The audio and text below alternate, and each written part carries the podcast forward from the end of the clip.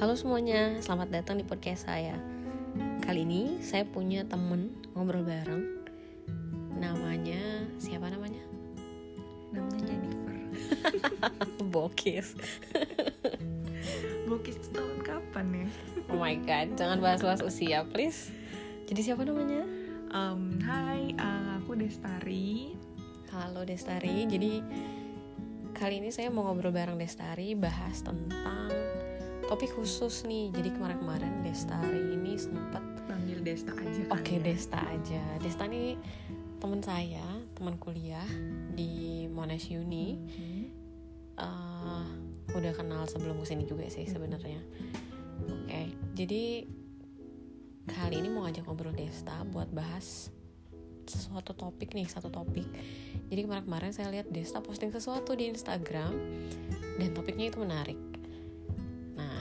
Judulnya topiknya ini adalah tentang toxic positivity, Des. Masih ingat nggak postingan Instagramnya waktu itu? Oh masih masih Oke. Bisa di scroll di Instagram saya Siap, akun Instagramnya STAA Asik. Siapa tahu followersnya nambah nih abis ini. Ya. Oke, coba. Nah, waktu itu aku pertama kali lihat postingan Desta di Instagram, wah, toxic positivity apaan sih ini? Menarik juga. Apa sih sebenarnya? Coba Des ceritain menurut kamu apa sih sebenarnya toxic toxic positivity itu?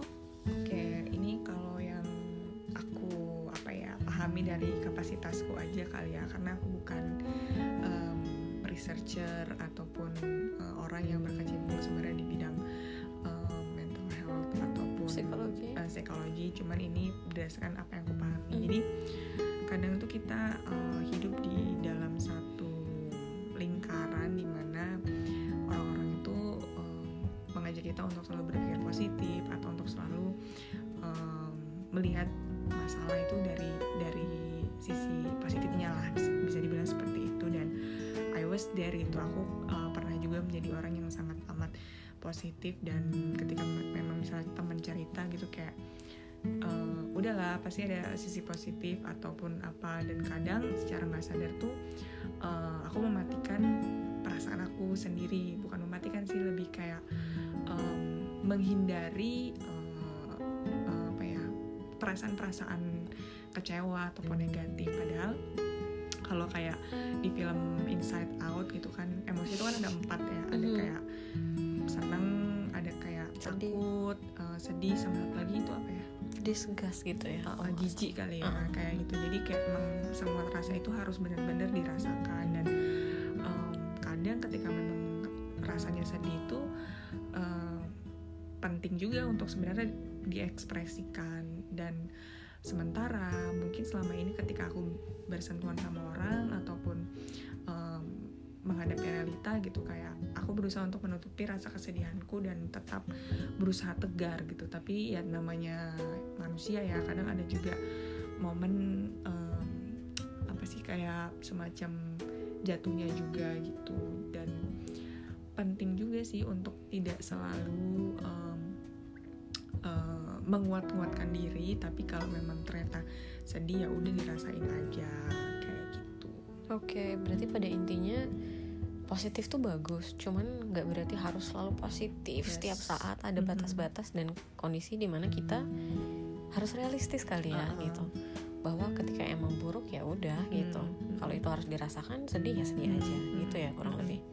Kalau dulu kamu pertama kali dengar tentang istilah ini dari mana sih Des? Tuh sempat baca eh, di salah satu artikel dari eh, kanal berita online ya dari tirto.id dan emang waktu itu yang ngebahas dari sudut pandangnya psikiater dari dokter Jimmy Ardian.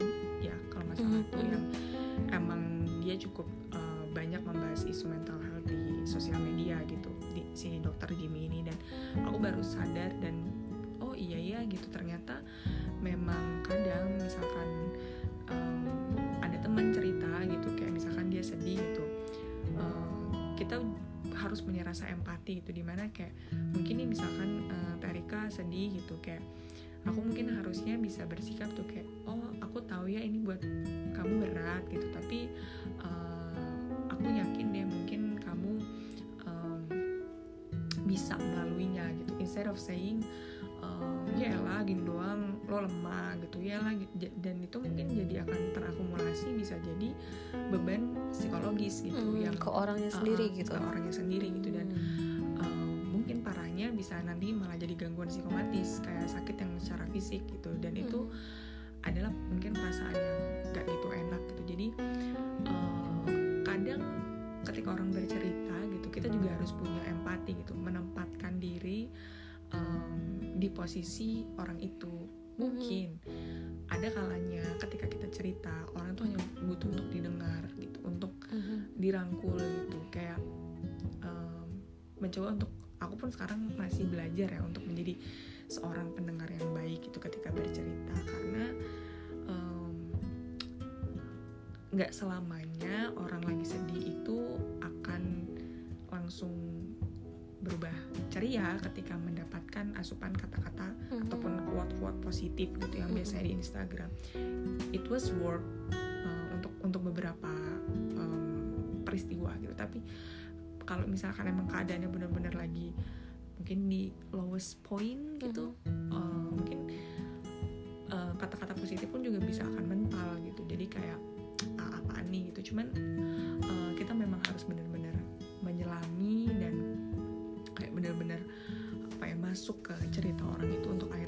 sebenarnya dia ini kenapa gitu dan usahakan untuk tidak menjudge sama sekali misalnya oh mental lo lemah oh gini gini gini. Mhm. karena memang um, perjalanan hidup masing-masing tiap orang itu beda termasuk juga ketahanan seseorang dalam menghadapi suatu peristiwa itu pun juga pasti beda-beda. Oke, oke, oke, oke, wow, menarik nih. Oke, jadi kurang lebih berarti toxic positivity itu adalah ketika misalnya orang katakanlah selalu positif aja terus gitu dan mengabaikan uh, hal-hal negatif atau buruk yang emang terjadi di sekitar kurang lebih gitu mungkin ya Des. mungkin seperti itu Oke, Oh, oke. Jadi selama ini kayaknya ya kebanyakan orang berpikir kalau positivity is a good thing Mhm. gitu. Bersikap positif, berpikir positif itu hal yang baik. Nah, ternyata itu nggak selamanya baik dan ada batasan di mana malah jadi buruk ya dampaknya. Jadi itu bisa menyerang orang lain juga ketika misalnya lagi mengalami kesulitan Hmm.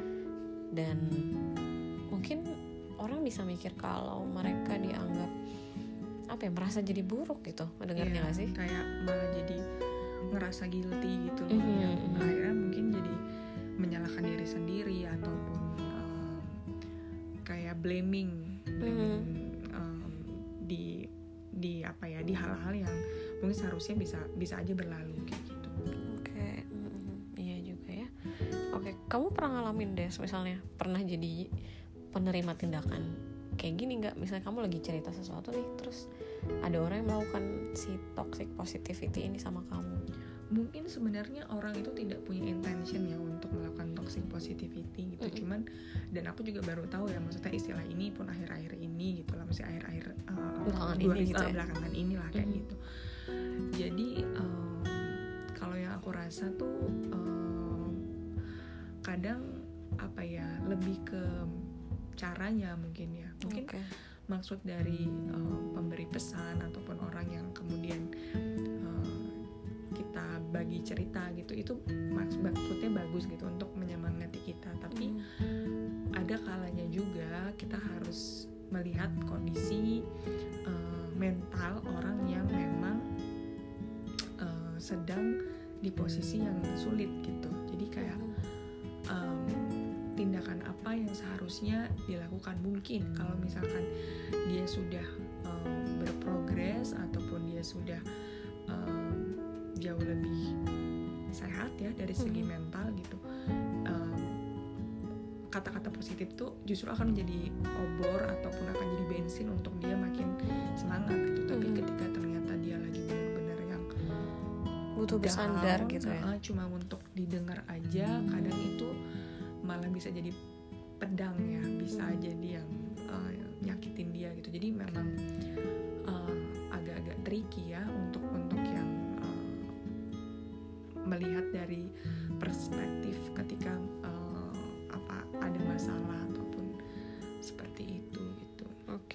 pada intinya ketika misalnya kita punya temen nih, mereka cerita atau lah gitu Mm-mm. kita mesti ya baik-baik aja dulu ya dengerin dulu Iya. gitu.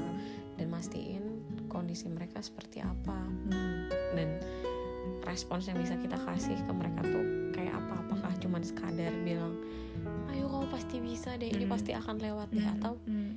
ya dengerin aja dulu Hmm. dan Hmm. kemudian menguatkan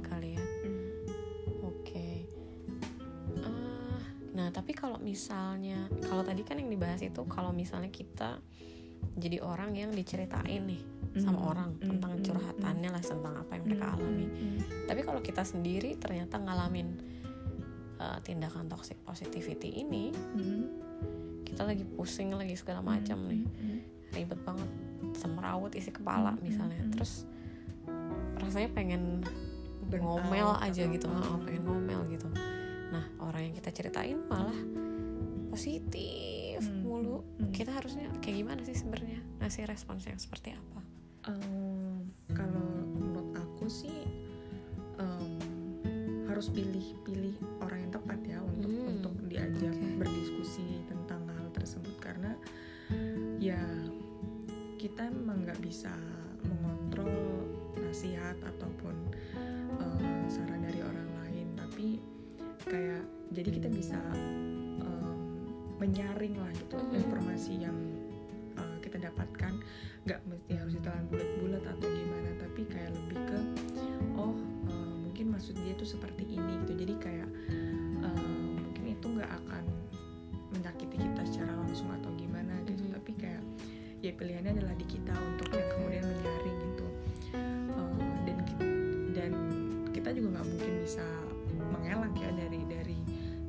tersebut. Karena pasti ketika kita punya masalah sebagai seorang teman itu pasti mereka akan menyemangati. Cuman ada hal-hal kadang di mana yang tadi kita em, lagi lagi sedih banget atau lagi nggak tahu harus ngapain dan ternyata ya kata-kata positif pun nggak bisa melukai uh, gitu ya. bisa melukai gitu. Jadi lebih baik kayak ya udah uh, di di sharing disaring yang emang benar-benar ada dua hal nih teman-teman kalau ngalamin ternyata tindakan toxic positivity dari sekitar kita berarti yang pertama pastinya saat kita mau cerita kita harus memilah-milah lah Hmm. orang yang tepat gitu kira-kira orang yang kasih respons yang sesuai dan Hmm. terbaik buat kondisi kita itu siapa aja Hmm. karena nggak selalu hanya karena misalnya nih kita punya banyak teman kemudian kita cerita ke mereka semua. Hmm. atau kita cerita semua hal ke satu orang doang nggak Hmm. gitu juga sih. Dan yang kedua tadi yang Desta bilang adalah uh, kita harus pintar-pintar juga buat menyaring apa yang orang Hmm. itu sampaikan. Nggak berarti ya bener nggak berarti kita harus terima semua. Dan akhirnya tersinggung atau repot sendiri gitu ya. Oke. Ah, yang terakhir nih Des. Kira-kira kalau misalnya orang mau cari informasi lebih banyak atau mau tahu lebih banyak soal ini kira-kira bisa cari ke mana ya atau baca atau mungkin baca bisa sebenarnya di jurnal-jurnal Mhm. yang kaitannya sama psikologi ataupun mental health gitu-gitu ya tentang toxic positivity ya Mhm. aku pun juga masih mencari-cari tahu sih eh, informasi tentang ini jadi kayak em, karena ini informasi yang baru juga buat aku selama ini eh, kita mungkin lebih banyak terpapar dengan isu-isu tentang negativity yang harusnya dihindari oh ternyata juga ada loh hal positif Mhm. tapi yang bisa mm, Dampaknya negatif bisa ya. punya dampak negatif. Jadi ini juga jadi satu ilmu baru yang patut untuk dicari tahu juga. Dan oh ya sebelum kelupaan tuh aku pernah dapat apa ya nasihat juga saran dari temen aku ketika kita mau curhat sama orang gitu. Usahakan tuh kayak kayak eh, curhatnya tuh kayak kabel gitu loh. Jadi nggak cuma kabel yang em, paralel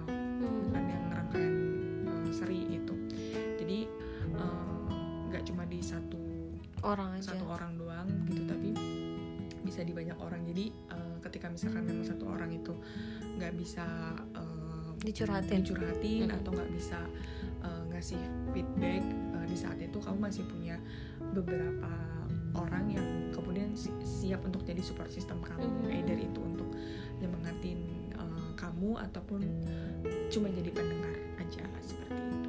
Iya bener banget bener banget. Iya karena teman-teman kalau misalnya kita cuma punya satu orang yang buat Hmm. dicurhatin dan ketika si orang ini nggak bisa bah sibuk misalnya atau ada urusan nggak bisa diganggu kita akan repot sendiri. Jadi benar banget yang Desta bilang. Setuju. Makasih banyak Des. Sama-sama. itu obrolannya. Mungkin lain kali kita ngobrol-ngobrol lagi Siap. atau gantian. Udah pernah. Gitu deh teman-teman bahasannya soal toxic positivity. Sampai ketemu lagi di episode berikutnya. Bye bye